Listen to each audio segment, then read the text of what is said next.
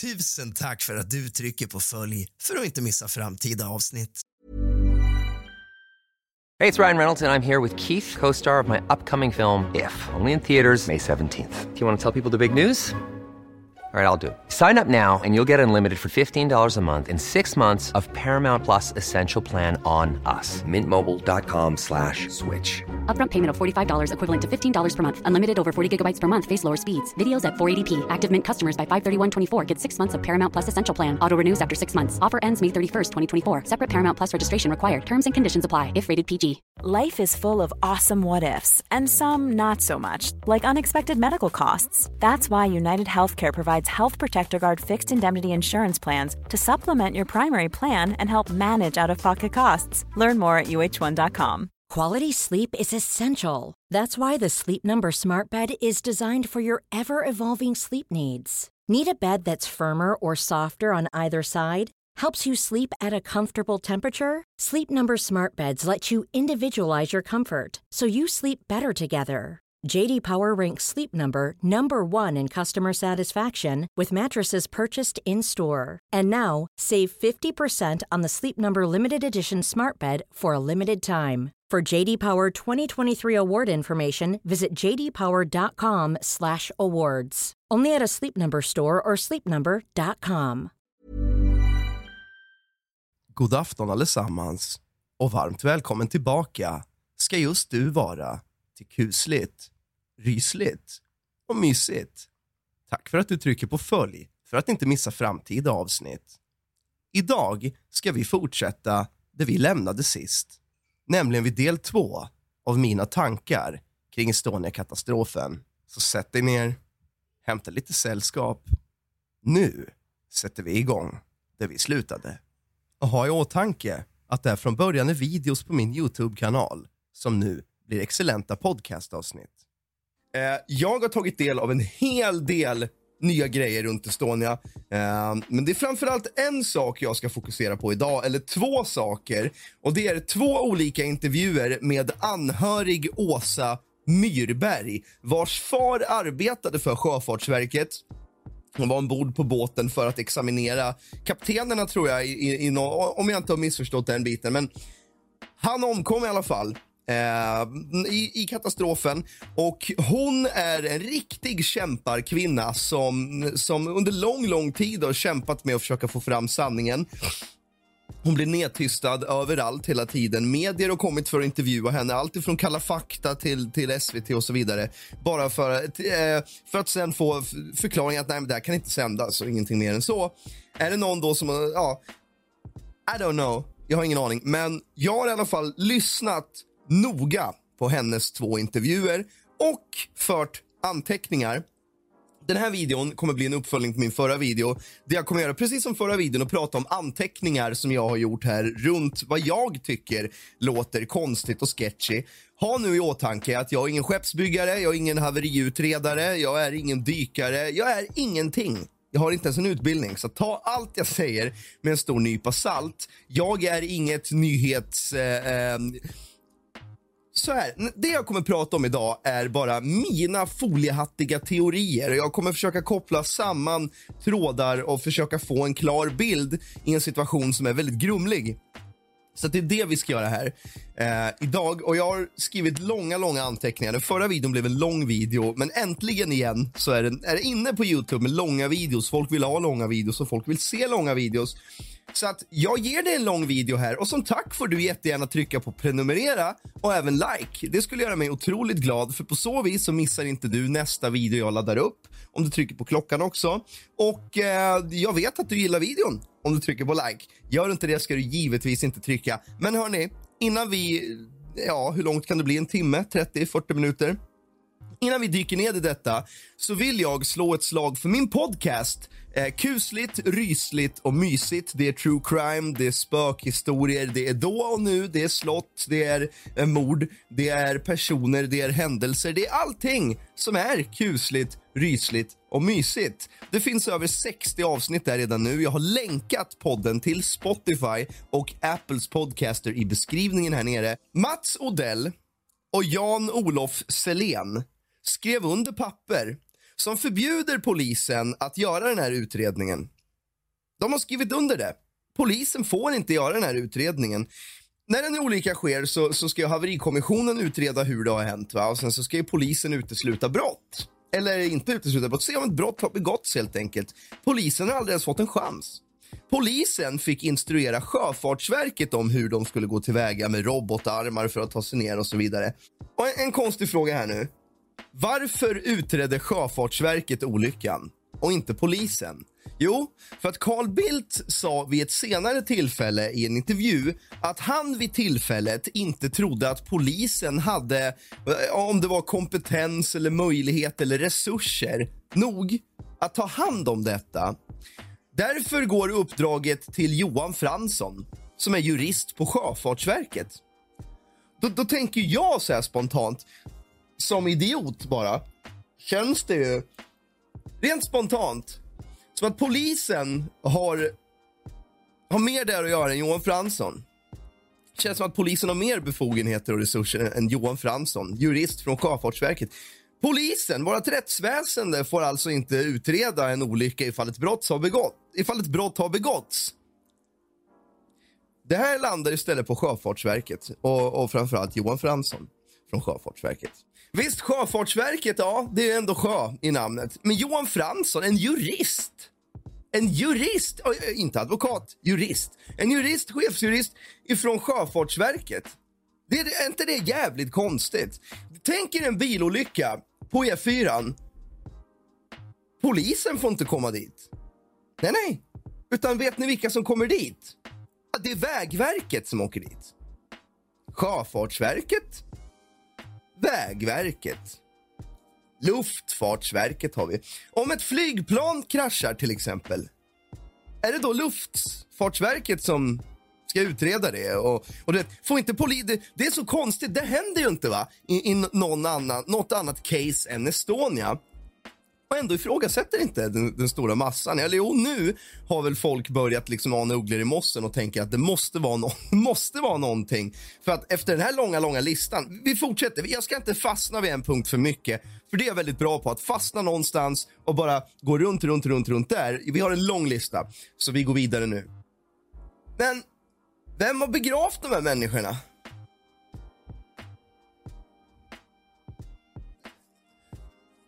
För att jag skulle snarare vilja kalla det för en olycksplats. va?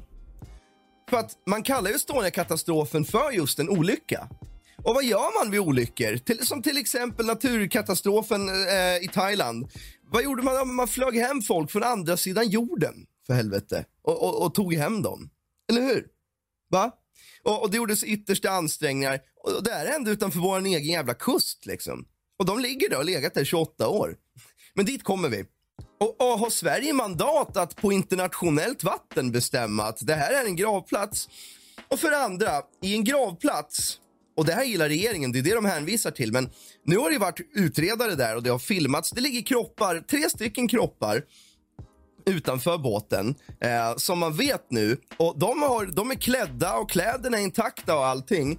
Men jo, Jonas eh, från, från haverikommissionen menar att man vet inte då, enligt Åsa Myrberg, eh, för att hon fick delta vid eh, en, ett seminarium, eller vad man ska kalla det för, för anhöriga i augusti förra året med Jonas från haverikommissionen, som ni säkert har sett i klipp och sådär.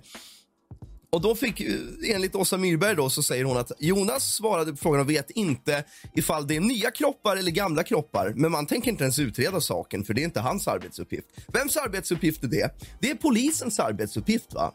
Ja, och, och, polisen har ju redan sedan dag ett fått en enorm käpp, inte en käpp i hjulet, en fucking stock. De får inte och de kan inte utreda det. Så att, hur menar de då? Hur ska det ens gå till? Det ligger tre kroppar där i kläder, man vet inte om de är nya eller om de är gamla eller när de har kommit dit. Och det ska inte heller utredas ens en gång. Det råder gravfrid. Vem har begravt dem? Och för andra, man dyker ner. De här liken har ju filmats också här nere. Ska man bli filmad i sin grav? Och Estonia är en olycka. En olycka ska utredas.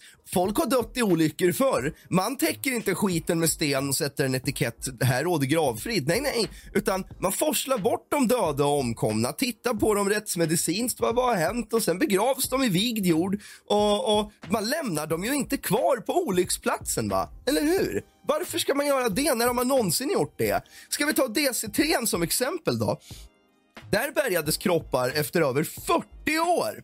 Inte bara det, DC3 bärgades från ett djup och de här kropparna från ett djup av 125 meter. Estonia ligger på 70-80 meter. Det är en diff på 40-50 meter. Och vet ni vad Ines Husman sa redan på 90-talet? Hon sa att det skulle ta, och lyssna nu, 48 dygn att dyka ner dit.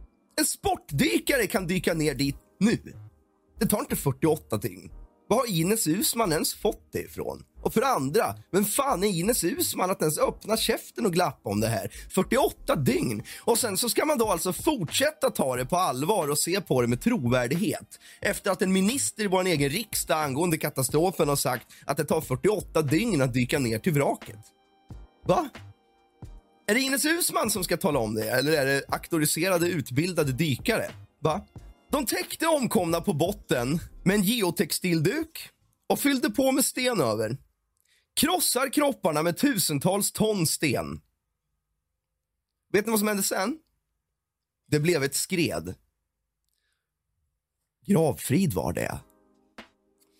Så att här är min nästa anteckning. Men att dyka ner varsamt för att med omsorg plocka upp kroppar för att ge dem en värdig sista viloplats i vigd jord. Det bryter mot griftefrid och gravfrid. Men av människorna som har inrättat den här jävla friden själv, de kan åka ut dit, dumpa en stor jävla geotextilduk och hälla på tusentals ton med sten och orsaka ett skri... Even on a budget, quality is non-negotiable. That's why Quince is the place to score high-end essentials at 50 to 80% less than similar brands. Get your hands on buttery soft cashmere sweaters from just 60 bucks, Italian leather jackets, and so much more. And the best part about Quince, they exclusively partner with factories committed to safe, ethical, and responsible manufacturing. Elevate your style without the elevated price tag with Quince. Go to quince.com slash upgrade for free shipping and 365-day returns. If you thought the only way to get a more defined jawline with natural-looking results was through surgery, think again. Juvederm Volux XC is a non-surgical injectable gel filler that improves moderate to severe loss of jawline definition and can help you achieve natural-looking results with little downtime. Even better, this improved definition lasts up to one year with optimal treatment. No maintenance required. Improve jawline definition for a smooth, sculpted look with Juvederm Volux XC. For important safety information and to find a licensed specialist, visit juvederm.com. That's J U V E D E R M.com. Not for people with severe allergic reactions, allergies to lidocaine, or the proteins used in Juvederm. Common side effects include injection site redness, swelling, pain, tenderness, firmness, lumps, bumps, bruising, discoloration, or itching. There's a risk of unintentional injection into a blood vessel, which can cause vision abnormalities, blindness, stroke, temporary scabs, or scarring. Talk to a licensed specialist to find out if it's right for you. I'm Sandra, and I'm just the professional your small business was looking for. But you didn't hire me because you didn't use LinkedIn jobs. LinkedIn has professionals you can't find anywhere else, including those who aren't actively looking for a new job but might be open to the perfect role, like me. In a given month, over 70% of LinkedIn users don't visit other leading job sites. So if you're not looking on LinkedIn, you'll miss out on great candidates like Sandra. Start hiring professionals like a professional. Post your free job on linkedin.com/people slash people today. skred. Vad händer i ett skred? Ja, det ligger väl kroppar då ingjutna på havets botten nu. Gravfrid var det. Och ni minns den där Peter som var, det var inte en prutt, utan det var min stol. Ni minns den där Peter som nu tyvärr är död. Eh, han dog väl i cancer va? Han överlevde, hans tjej dog, eller hans fru eller hans tjej dog. Och han använde skadeståndet han fick för att anlita folk som skulle plocka upp henne åt honom. Han följde med ut dit. Det här var dagarna innan den här jävla gravfriden ens trädde i kraft. Det var alltså inte olagligt av honom han, och det var internationellt vatten. Han använde de här pengarna och väl där möter han på patrull kan man säga. De orsakar vågor och gör det farligt för dem att ens vara där. Det är väl ett brott, men så får man väl inte göra på vatten va? Sätta andra i potentiell sjönöd och fara. Men det gjordes alltså av våra egna myndigheter på 90-talet innan den här lagen ens hade trätt i kraft. Och vi har inte ens fått svar på varför. Det här är alltså myndigheter som har gjort detta. Myndigheter som har satt sig över lagar och, och grejer och tagit det i egna händer. Och det råder inget konstigt där ute. Det är bara en olycksplats. Va? Det, det, luktar så, det här luktar så jävla illa så att det finns inte. Jag kan knappt vara här inne en gång för det stinker så in i helvete bara man pratar om den här skiten. Petar man på det här, grönt mål, det luktar skit i hela salen för fan. Det, det är så, så snuskigt också, tycker jag. Åsa Myrberg eh, har tillsammans med andra eh, och, eh, vad heter det? anhöriga nu i modern tid försökt eh, kontakta politiker för svar. Dit kommer vi, men de, de, har inte ens besvarat någonting. De har inte ens gett ett tecken på att de ens har läst det. Är det att göra av, av våra myndigheter och vår stat att göra det yttersta för dem omkring katastrofen överhuvudtaget? Att varsamt dyka ner med omsorg, plocka upp kropparna och göra en värdig sista begravning i vigd jord så att de anhöriga kan få ett closure, det, det går inte. För, för att det råder gravfrid där ute. Samma människor då som, som inrättar den jävla gravfriden dumpar geotextil och sten och orsakar skred och allt möjligt skit där ute. Har de fått stå till svars för det eller någonting? Eller hur, hur kan de möjligtvis rättfärdiga det? För att Oavsett om det är Kalle på hörnet eller statsministern själv som fattar beslutet så förändrar inte det saken i sig. Om det är en människa med makt eller en, en hemlös narkoman utan kontaktnät på stan det spelar ingen roll för att det förändrar inte saken i sig. Eller hur? Kropparna ligger fortfarande där. Anhöriga undrar varför fortfarande istället för att få ett avslut. Då hade de kunnat säga så här, men det här gäller rikets säkerhet och på grund av det så kan inte vi tala om eh, eller någonting. Men då får ju de anhöriga i alla fall ett avslut. Va? Någonting som är hemskt är att människor om, om, eh, omkomna säga, anhöriga människor dör nu. Folk som har kommit till ålderns höst som aldrig har ens fått så som den här Peter som bara ville upp sin fru. De hade kunnat ligga i samma grav nu. Där ligger han själv. Och hans tjejs eh, pappa då var ju med i dokumentären och pratade och han säger det. Peter ligger själv i den där graven där de båda kunde och skulle ha legat. Om, om våra myndigheter hade gjort sitt jobb korrekt. För att man kallar ju Estonia-katastrofen för en olycka, eller hur? En olycka. Jag har aldrig hört talas om en olycka innan där, där man bara gjuter in skiten i betong och här råder gravfrid. Man, man städar väl upp.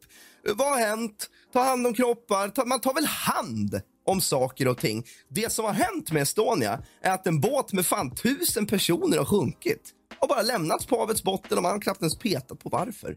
Man erbjöds hjälp från alla möjliga håll och här har jag skrivit varför tackade man nej till alla erbjudanden om hjälp för att åka ned med dykare och lyssna efter knackningar från överlevare i luftfickorna? För att, tro mig, antagligen fanns det folk i luftfickor på flera olika håll i skeppet för att det har till och med hänt. I modern tid, eh, jag såg en video på Youtube, det var en fiskebåt i något afrikanskt land som hade sjunkit.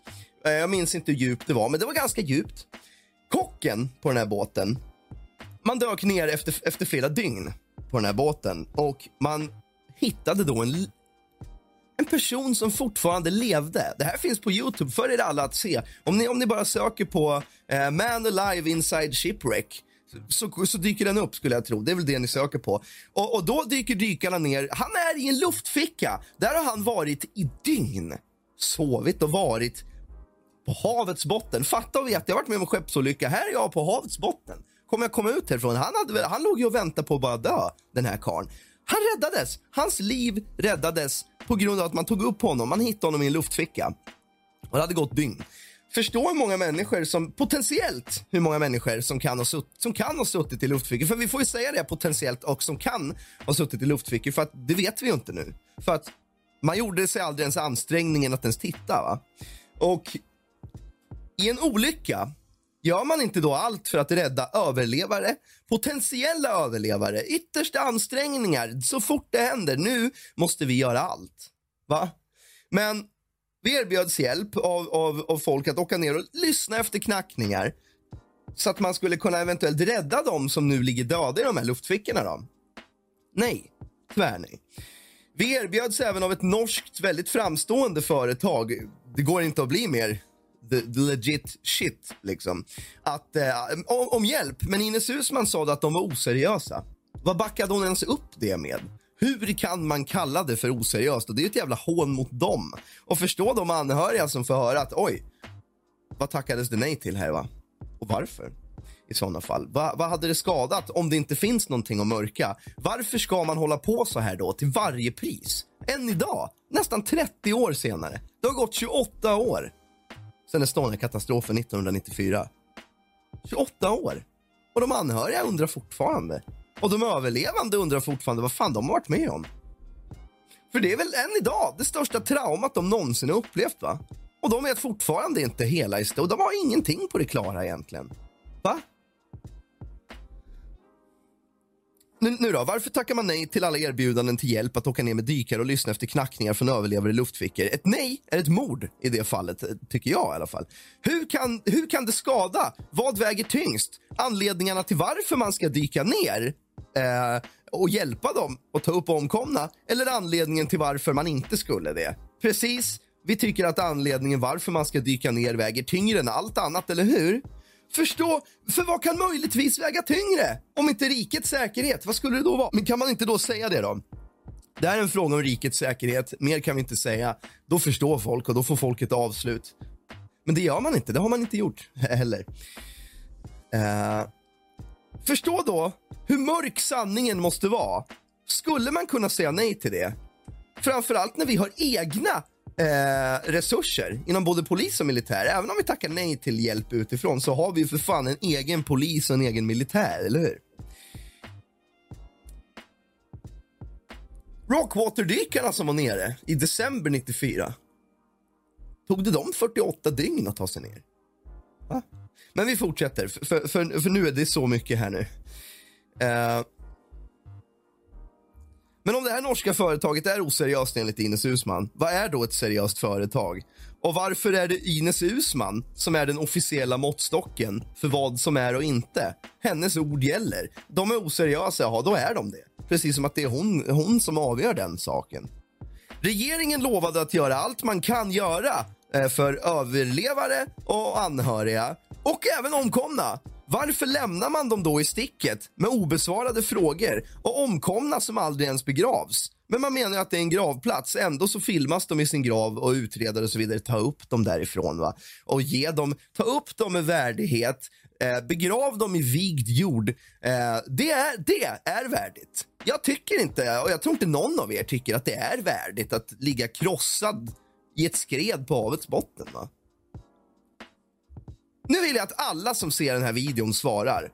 Om du hade varit med om Estonia-katastrofen, hade du accepterat ett vrak på havets botten som din sista viloplats någonsin? Eller hade du önskat att yttersta ansträngningar eh, gjordes så att du skulle kunna för alltid vila i vigd jord så att dina anhöriga kan gå till en grav och stå där och sörja och veta att du ligger där tryggt i vigd jord, hemma, safe, så att säga än att ligga på havets botten där du filmas. Och eh, förstår hur många sportdykare som har varit där och dykt? Man, man vet ju inte ens. Och det är officiella uppgifter. Man vet inte hur många sportdykare som har varit där. Man vet för ett faktum att det har varit sportdykare där. Man vet inte hur många. Ska allmänheten ha tillgång till en gravplats. För att även om det är gravplats där så kommer folk ta det egna. Jag menar, man, man ställer sig ju inte och gräver upp en grav på kyrkogården, eller hur? Nej, det gör man ju inte. Så att det, det, det håller ju inte riktigt av staten att kalla en olycksplats för en gravplats. För att en olycka måste utredas. I vilken olycka säger man, nej tyvärr, det här är eh, brott mot gravfriden och griftefriden, vi kan inte peta i det här. Va? Man måste ju göra det. Om man gör det, det är, väl, är det inte bara i Estonia-fallet som den här skiten händer, eller? Va? Förstå om det hade varit en omöjlig uppgift. Ett djup som Titanic ligger på, vad kan det vara, 3 och ett halvt tusen meter? Det, det, går ju inte att ta upp anhöriga. Det är otroligt svårt och en nästan till omöjlig uppgift, antar jag. Men Estonia ligger, du vet, på 70, runt 70 meter. Och kropparna ligger kvar där än och vi vet det för ett faktum. De har till och med filmats. Vad är det som hindrar vem som är... Varför tas de inte upp för fan? Varför ligger de där? Svara nu i kommentarsfältet. Om du hade varit med om Estonia-katastrofen, hade du accepterat havet som en sista viloplats? Att dina anhöriga får gå ner strandkanten och sätta sig och fundera på varför? Eller hade du velat ligga i vigd jord och, och, och, och fått ett avslut för dig själv och alla dina anhöriga? Va? Jag vill att alla som ser detta svarar på det här nere. Finns det någon som vill... vill, vill ja, jag vet. Det finns säkert någon, Jeppe, som, som tycker att det är värdigt att ligga krossad på havets botten i, i ett vrak. Åsa Myrberg eh, har ju forskat i det här själv. Hon, hon har till och med tagit ledigt från sitt jobb de senaste två åren bara, bara för att göra nothing but rota i Estonia för att få ett avslut för sig själv och sin pappa och hela sin familj, hela släkten. Hon fick ta del av en kartong dokument. 26 kartonger med dokument var under sekretess, enligt Åsa Myrberg. Då. Vad är det som orsakar så mycket sekretess om det är en olycka det handlar om? Vi läser om olyckor detaljerat varje dag. Men här vet ingen skit. Ingen. Vi har en haverirapport som, som, som, som, som de förväntar sig att vi ska vara nöjda med. va? Pratar de i den här haverirapporten om ens ett enda hål? När vi idag vet för ett faktum att det finns flera olika hål i fartyget. Då kan man ju säga att det var när det slog i botten eller och så vidare. Men det måste ju utredas och tas reda på varför, eller hur?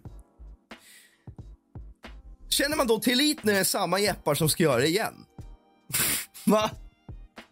Som presenterade den förra rapporten det står nog inga hål, fast vi idag vet att det är en jävla schweizerost där nere. Va? Det känns ju föga liksom, betryggande att det är samma idioter som ska ner igen och fylla och hålla på, eller För att vilka styrs de av?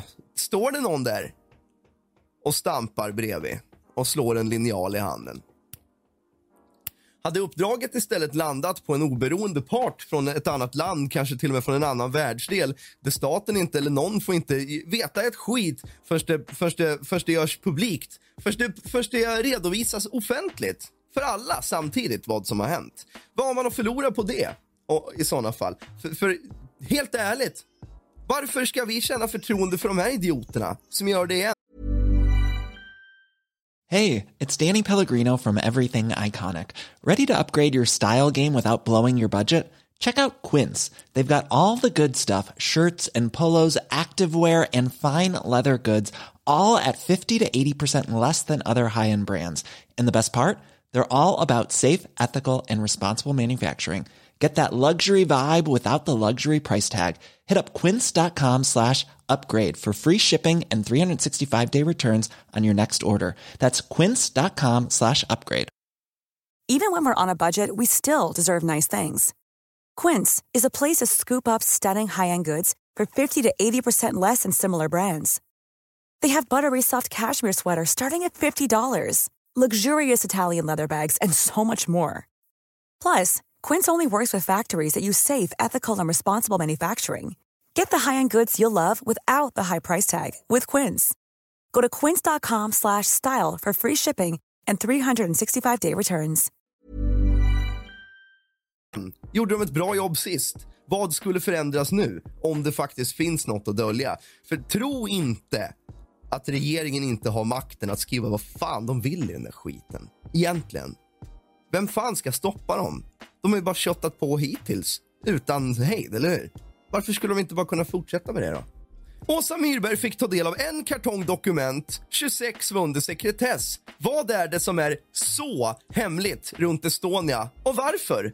Och i sådana fall, varför är papperna inte bara maskade? Hur kommer det sig att en anhörig till någon som omkom under katastrofen eller olyckan bara får ta del av en låda dokument när det finns 27 stycken? 26 under sekretess, en fick hon ta del av. Då ska man ha i bakhuvudet att hennes pappa dog under Estonia. Han ligger där nere nu. Och hon som anhörig får ta del av en låda dokument av 27 stycken. Men de gör det, det yttersta för att anhöriga ska känna lugn och trygghet. Va? Varför blev det så här? Varför har vi anhöriga som, som, som ibland kommer ut i medier och uttrycker sin besvikelse över detta? Om staten nu betryggade alla och gjorde det bästa för alla. För nu när vi ser på det tillbaka så gjorde ju staten det som var bäst för, för staten. va? tycker, ni, tycker någon att, sta, att myndigheterna gjorde det som var bäst för omkomna och anhöriga och överlevare? Är det någon som tycker det? är det någon som tycker det? Har man inte rätt att begrava sina anhöriga i vigd jord? Som jag sa, det hade varit en grej om det inte gick hade varit en annan sak om man efter en olycka inte hittade kroppar eller en person. Men i detta fall har hundratals kroppar bara legat på havets botten, exponerat. 28 år har gått och de ligger fortfarande där nere. Bara 70 meter ner! De ligger till och med utanför vraket vissa. Tre kroppar ligger på vraket. På vraket. Man vet inte om de är nya eller gamla. Eller om det är kroppar som bara dumpats där. Men det ska inte ens utredas. De har filmats i sin grav flera gånger. Ska man inte få ro och frid i en gravplats? Och det är det regeringen menar. Men det håller inte att kalla en jävla olycka eller katastrof för en gravplats. En gravplats och en olycksplats är två olika saker. Min farbror dog året innan Estonia-katastrofen på Öland i ett tält. Han lämnades inte kvar i tältet, vet du. Han ligger inte kvar i tältet där, utan han ligger fyra meter under marken på en kyrkogård i Nyköping. Olycksplatsen var alltså inte hans gravplats. Vad är det som gör att man måste ju få ta omkomna från en olycksplats till en gravplats? Man kan ju inte kalla en olycksplats för en gravplats. va? När gör man det? När har en olycksplats kallats för en gravplats för? Förutom när skepp sjunker på enorma djup. Då kan man inte göra någonting. Det är en annan sak och då kan de anhöriga acceptera det. Och då har man inget annat val än att kalla det för en gravplats. Men det enda som sätter stopp här är byråkrati eller mörkläggning. För vi har exponerade kroppar inte alls långt ner. Sport och fritidsdykare kan ta sig ner dit. Vad är det som hindrar dem från att ta sig upp? Förutom den här gravfridslagen då. En gravfridslag som ingen utom typ Mikael Damberg vill ha, eller? De anhöriga vill inte ha den här gravfridslagen för att de tycker inte att det råder gravfrid. Och det tycker väl, det är väl inte gravfrid? Det är båtar som åker, det är folk som dyker, det är utredningar. Det är en olycksplats för fan. Det är ingen gravplats. Sluta kalla en olycksplats för en gravplats. Kalla det inte ens för en olycksplats. Jag tycker att det är ett hån att kalla det för, eller ett, ja, ett hån. Och ett skämt att kalla det för en olycka. När man inte ens vet det ens är en olycka. Innan man, ska man inte utreda om det ens är en olycka. Alltså det, och det är inte polisen som ska göra det, utan det är Sjöfartsverket. Nästa gång jag bevittnar en bilolycka, då ska inte jag ringa 112 och, och tillkalla polis och ambulans, utan då ska jag fan i mig ringa Trafikverket eller Transportstyrelsen eller Vägverket istället. För det är det man har gjort här ju. Polisen fick inte ens komma dit. Polisen började med en plan. Nu ska vi göra, hur ska vi få upp omkomna? Nej, sorry. Utan, utan äh, det här är en Jeppe från Sjöfartsverket som ska ha hand om. En jurist från Sjöfartsverket. Polisen, na na, don't bother. Va? Va? de fick ju att det skulle vara traumatiserande och så vidare för dykarna som, som dök ner där och så vidare. Rockwater-dykarna var nere redan i december. De sa att vissa kroppar var as fresh as the night of, of the event, eller vad man säger. Liksom. Uh, de fick till och med flytta på kroppar. Det, det finns att, uh, att höra. De, de, dokumenterar till och med kroppar med hjälmkameran bara en bit ifrån lik där man ser detaljerat. Och det är en dykare inne i den jävla hjälmen och masken dykare. De flyttar runt kroppar där inne. De är inte traumatiserade, utan vet ni vad som traumatiserade Rockwater-dykarna? Det var inte liken där nere. Det som traumatiserade Rockwater-dykarna var att lämna dem kvar. Och Det kan man höra dem berätta själva i Henrik Evertssons dokumentär. Spottar jag här också. De sa att det som, de blev inte traumatiserade. Och du vet, vem är Johan Fransson och vem är pol vilka är politiker att uttala sig om den här saken? Är det inte auktoriserad, utbildad, behörig liksom personal som, som, som är utbildad för saker? Jag menar, Ah, nej, nu har, nu, har det, nu, nu har det skett ett mord, vet ni. Nu har någon dödat fem pers i en lägenhet, men man skickar inte in polis eller någon där för att de kan bli traumatiserade. Rättsläkare och poliser och även de här dykarna, och alla som skulle utföra det här jobbet, det är inte vanliga människor som, som är utsatta för trauman, utan det är människor där det här ingår i deras arbetsbeskrivning. Det är en del av deras arbete att faktiskt göra saker som dessa. Vilka är då politiker och sitta och säga när, tala om för mig, när var det ett hinder att folk kan få trauman? Ska vi, ska vi, ska vi ta katastrofen 2004, tsunamin i Thailand? Lämnade man alla kroppar kvar för att det hade blivit för mycket för rättsläkare och polis och personal och de hade blivit traumatiserade? Nej, utan kroppar staplades på hög för fan av de här människorna och det är deras jobb. Och då kan man ju tycka så här att om en rättsläkare eller en polis eller någon blir traumatiserad då, då, kanske man inte ska vara rättsläkare eller polis eller vad det nu är. De här människorna är utbildade, de vet vad det handlar om och de vet vad de gör. Politikerna vet väl inte det? Vilka är då politikerna att sitta och faktiskt håna de här människorna genom att säga att de klarar inte sitt jobb? För det är ju det politikerna säger när de menar att den här person personalen som kan det här, som är utbildade till det, skulle bli traumatiserade. Innan de ens har fått säga någonting själva. Det är ett hån mot dem och hela deras yrke. De ifrågasätts ju i sin yrkesposition och blir tillsagda att de klarar inte det här. Utan att ens få chans att ens säga någonting. Är inte det helt jävla sjukt eller? De blir traumatiserade, men olyckor händer, katastrofer händer. När lämnar man dem bara där för att folk blir traumatiserade? När fan har det någonsin hänt? Utom i Estonia-frågan. Va?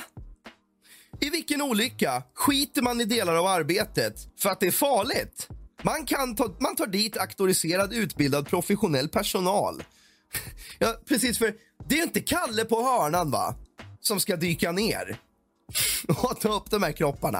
Är det Kalle på hörnan som ska göra det? Nej, det är inte Kalle på hörnan, utan det är människor som kan det här som ska göra det. Som vet vad de kommer möta, som är förberedda på det här, vad de kommer möta. Det är deras jobb.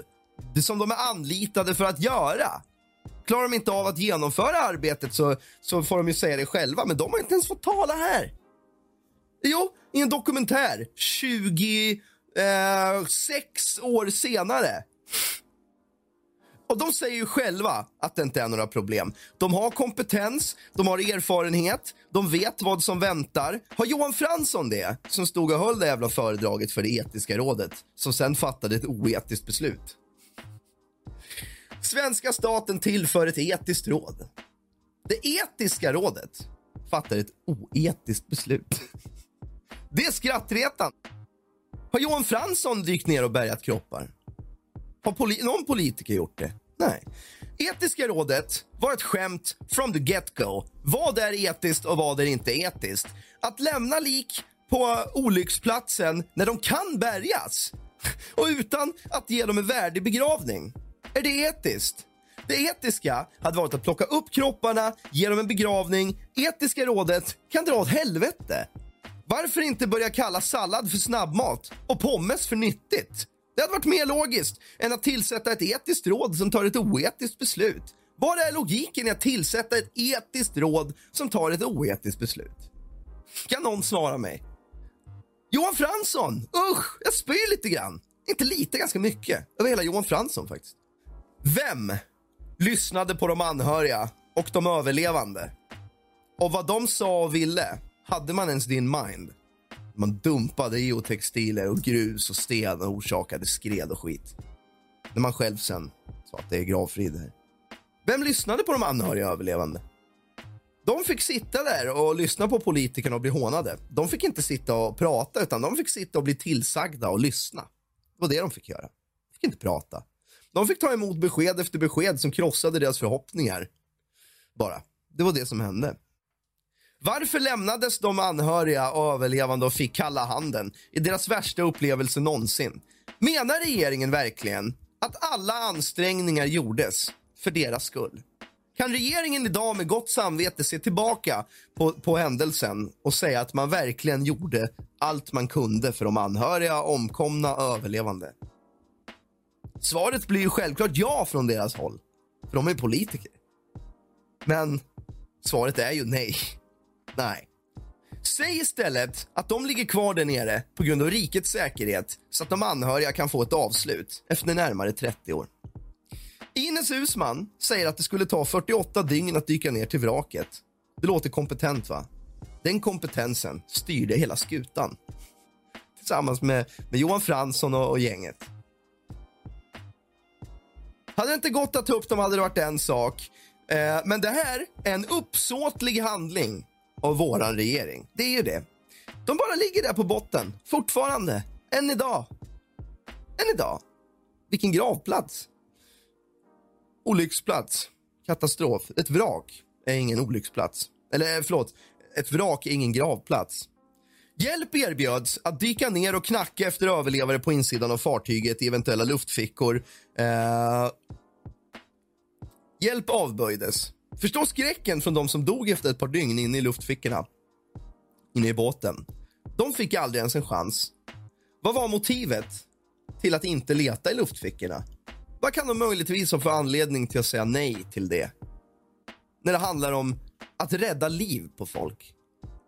För de kan inte säga att det inte var någon i luftfickor. För det vet de inte, för de tittade aldrig. Och då har man inte heller gjort sitt yttersta och då har man inte heller ansträngt sig. För då gör man ju allt man kan. Men istället för att tacka ja så avböjs det. Kallas för oseriöst eller vad man nu vill hänvisa till. Av politiker som inte ens själva vet. Är Ines Husman någon jävla expert på fartyg som arbetar på, på i, i vatten och sånt? Nej, hon är en fucking politiker för helvete. Rockwater var där bland alla lik, eh, så traumat är ju redan skapat i sådana fall. Så hur kan de hänvisa till den här skiten? De, de var ju där och flyttade kroppar fotade kroppar, men, men, de, men, man skulle inte göra något för det, skulle traumatiseras. Och de sa även att det hade varit för svårt, politikerna, medan Rockwater-nissen själv, som skulle ha gjort det, eh, eller eh, kanske inte han skulle gjort men, men han säger själv att det hade inte alls varit särskilt svårt. Tvärtom, det hade varit hur lätt som helst att de hade kunnat salvage eh, ett stort, stort stort antal kroppar. Och alla de hundratals kroppar de stött, hade stött på hade de bara kunnat ta dem ut ur fartyget och forsla upp dem och köra hem dem. Men de fick inte det. De fick inte det. Svaret var nej. De ville ju ta upp. Och de kunde ta upp. De var där. De var där. De flyttade kroppar. De var inne i hytter. De tittade runt. De till och med sågade sig in i båten. Men de menar att det hade varit farligt att ta sig in i båten och såna saker. Men att de, de gjorde ju det ändå. Skälen som de menar till varför kropparna inte kan bärgas, de grejerna har gjorts i alla fall. Det enda som inte har gjorts är att faktiskt ta upp kropparna. Man kan inte ta upp kropparna för det hade varit farligt, det hade varit traumatiserande. Traumat var redan skapat. De var där nere. De, de svetsade sig in i båten genom järn och plåt och metall på ett vrak på havets botten. De kan sin grej. Visst, det är farligt, men de kan det. De, de är ju utbildade för det. De gjorde ju allt de skulle ha gjort under operationen att rädda kropparna. Som de skulle ha gjort i alla fall. Men det hänvisas till att det hade varit för farligt eller för traumatiserande. För någonting de ändå hade gjort redan i december 94. Hör ni, hör ni det här eller? Hör ni det här? Hör ni allt det här? Det är så skrattretande så det finns inte. Va? Barn hade kunnat styra det här bättre. Om det satt ett gäng fyraåringar och fick bestämma i den här frågan så hade de fattat mer logiska och humana och mänskliga beslut i den här frågan. Man tar inte hänsyn till de omkomna anhöriga och överlevande. Man tar hänsyn till rikets säkerhet. Men säg det då, så att de kan få ett avslut för fan. Carl Bildt menade i efterhand att han vid tillfället inte trodde att polisen hade kapacitet att utreda och ta hand om fallet. Därför så landade det väldigt logiskt såklart. Det är helt logiskt då. Istället för hela polisen så landade det på en fucking jurist. Johan Fransson från Sjöfartsverket istället för polisen. Som av riksdagen tidigare förhindrats att utreda händelsen. Polisen får inte vara där. De påbörjade ju planering och sådär, men nej sorry dude, utan det här är Johan Fransson som ska ta istället för polisen. Johan Fransson saves the day, motherfucker. Vad hände vid tsunamikatastrofen med kroppar och så vidare? För man menar ju att även Estonia var just en olycka, men inget, ingenting annat. Från Thailand tog kroppar, togs kroppar hem och begravdes. Thailand ligger på andra sidan jorden. Estonia ligger här i vårt direkta område. Finland, kusten. Där. Man kan ta hem en kropp som man hittar på andra sidan jorden som är lemlästad och kanske uh, brytna armar och ben. Och så. De kan man frakta hem. Och det är inget brott mot någon gravfrid, men, att, men, men, men på Estonia så är det det. Man kallar Estonia för en olycka. Thailand olycka, katastrof. Estonia-katastrofen. Man kallar Estonia för både katastrof och olycka. Och, och, och katastrof och olycka, det är samma sak i Thailand. Liksom. Det håller inte ihop. Uh, för jag var 14 år 2004 när eh, tsunamin inträffade och jag följde nyhetsrapporteringen och jag fick ändå intrycket, nu är jag 32 eh, i år, så att det här är över halva mitt liv sen, men jag fick ändå intrycket där och då att myndigheterna faktiskt gjorde allt man kunde. De sa ju eh, självklart ska allting göras och alla medel och, och det gjorde de verkligen. Jag upplevde det så eh, utifrån. Jag hade ju ingen ah, nära eller annorlunda så, men av, av nyhetsrapporteringen att döma och det är ingen, vad jag vet, som har klagat i efterhand. För att det gjordes rätt och riktigt. Ingen kunde rå för den här katas olyckan, katastrofen. Eh, man vet fortfarande inte vem som bär ansvaret för Estonia, vad som hände. All, allting ligger, alla kroppar ligger kvar där nere. Om allting hade skötts rätt, rätt och riktigt, hur kommer det sig då att anhöriga överlevande är eld och lågor runt Estonia-frågan, men ingen är det runt, runt Thailand-grejen? För de fick, ett av, de fick ett avslut! Vad är det som skiljer dem ifrån Estonia-anhöriga, överlevare och så vidare? De fick ett avslut. Avslut är otroligt viktigt i ett sorgesarbete för att kunna sörja korrekt. Alltså, jag menar, man måste få ett avslut. Fråga vilken begravningsentreprenör, borrhusarbetare, vad fan som helst att ett avslut är viktigt. När min farmor dog eh, och vi skulle säga hejdå till henne så åkte vi till bårhuset dagen efter. Hon låg i ett rum, det var tända ljus och så jag låg på en brits. Innan fick vi då tala med en kille på bårhuset. Jag vet inte vad han hade för befattning eller yrkesroll eller titel. Men det var han då som hade tagit fram farmor och gjort henne i ordning och sådär. På, på bårhuset fortfarande då, för det här var dagen efter hon dog. Vi skulle inte få träffa farmor egentligen förrän efter obduktionen, typ en månad senare. För, för att det, det tog på riktigt en månad. Eh, rätt, hon dog i hemmet till hon skulle skickas iväg och allt sånt där. Men då tänkte vi, ja, vi vill inte vänta så länge. Så vi fick faktiskt ta farväl av henne dagen efter. Och då sa eh, den här mannen till oss att min mamma ville inte gå in och titta, för hon tittade på min farbror eh, som dog 93 och hon ångrar det. Eh, men den här karln sa då, är du säker på att du inte vill se? För att ett avslut är otroligt viktigt. Men då sa mamma att hon får ett avslut på ett annat sätt.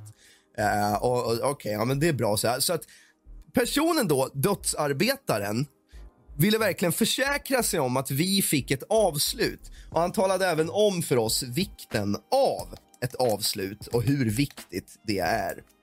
Han arbetar med omkomna och med döden och sådär. Det gör ju inte de här politikerna som har fattat alla de här besluten. Så det är ett otroligt faktiskt hån egentligen mot, mot de anhöriga och så vidare. Och det här etiska rådet vilket, vilket eh, beslut tror ni de hade fattat om inte Johan Fransson hade talat om att det är en jävla köttkvarn där nere och, och, hur otroligt svårt det skulle vara. allt sånt där. Dykarna själva säger att det är lätt som ett, Vem är Johan Fransson? Vad vet han när han dyker? Och han... Jag är så frustrerad för deras skull och, och jag är glad att jag inte är anhörig, för jag är en människa som inte kan ge mig förrän jag vet. Så att det hade varit jävla helvete på jorden. Liksom, att, att gå i, i, i konstant... För de här människorna som förlorade sina nära 1994 de har, inte, de har inte kunnat sörja på ett korrekt sätt. Och Fråga vilken dödsarbetare som helst om det här hade kunnat skötas på ett bättre sätt. För Jag tycker det är de som ska uttala sig här i, i vissa frågor. Varför låter inte myndigheter och politiker människor som vet vad de pratar om prata? Istället och kanske står där vid podiet med dem istället. För vilka är de att besvara frågor de inte vet någonting om? Mer än att de är politiker och ska representera och företräda och så vidare. Fattar inte det. Tre nya kroppar på båten. Jonas Bäckstrand från eh, eh haverikommissionen kunde ej svara på mm, Åsa Myrberg då, eh, om det var nya eller gamla kroppar. Ändå kommer saken inte att utredas för att han menar att det inte är hans jobb, det är polisens jobb. Och polisen fick ju redan 1994 den här i ansiktet. Nej, nej, nej, nej. Så att han menar då att det är polisens jobb att utreda. Men polisen kan och får inte. Hur menar han då att det ska gå till? Ska det, ska det ske så här? Ska det vara så här luddigt? I omfattningen av den här katastrofen. Det får inte vara så här luddigt runt en katastrof. Och varför är det det? Om inte för rikets säkerhet. För det är det enda logiska. Det är det enda logiska svaret ju. Anhöriga har sökt Morgan Johansson och Magdalena Andersson. Oj. Och de har inte ens besvarat förfrågan. Applåder staten, som gör allt för anhöriga överlevare. Svarar de inte ens. Ines Husman menar i en intervju med Ekot i P1 1997, och jag lyssnade på den idag innan, det är därför jag skrev upp det. Ines Husman, filmar jag, ja. Ines Husman menar i en intervju med Ekot i P1 97, tre år efter olyckan, att haverikommissionen inte är utsatt för att, ut, för att utreda brott. Men vem ska då göra det enligt Ines Husman då? Med tanke på att polisen från dag ett fick tvärnej. Hör ni? De alla säger det utslutat på Jonas Bäckström, politiker, de själva säger att det är polisens jobb. Samma jävla människor som har förhindrat polisen från att göra deras jobb. Hur fan kan man då hänvisa det tillbaka till dem när problemet beror på en själv från första början? Vad är logiken i det och varför ifrågasätter ingen det? Hon säger också, Ines Husman själv, att av etiska och moraliska skäl är det viktigt att veta vem och varför det här har hänt. Hon satt då alltså och hade ganska mycket makt i, det här, i den här frågan under den aktuella tiden. Hon sa det då. Hon sa så på riktigt. Och nu i efterhand sitter jag med facit i hand och vet allt skit Ines Husman man ställer till med. Ändå så satt hon i en intervju och sa att det är viktigt att veta, ja, skitsamma. Uh, hon säger även att av etiska och moraliska skäl är det viktigt att veta vem och varför. Men vi vet ju inte vem och varför. Fortfarande än idag. Ines Husman lever ju. Kan du inte besvara den frågan? Och det, mina vänner, var vad jag hade idag angående Estonia.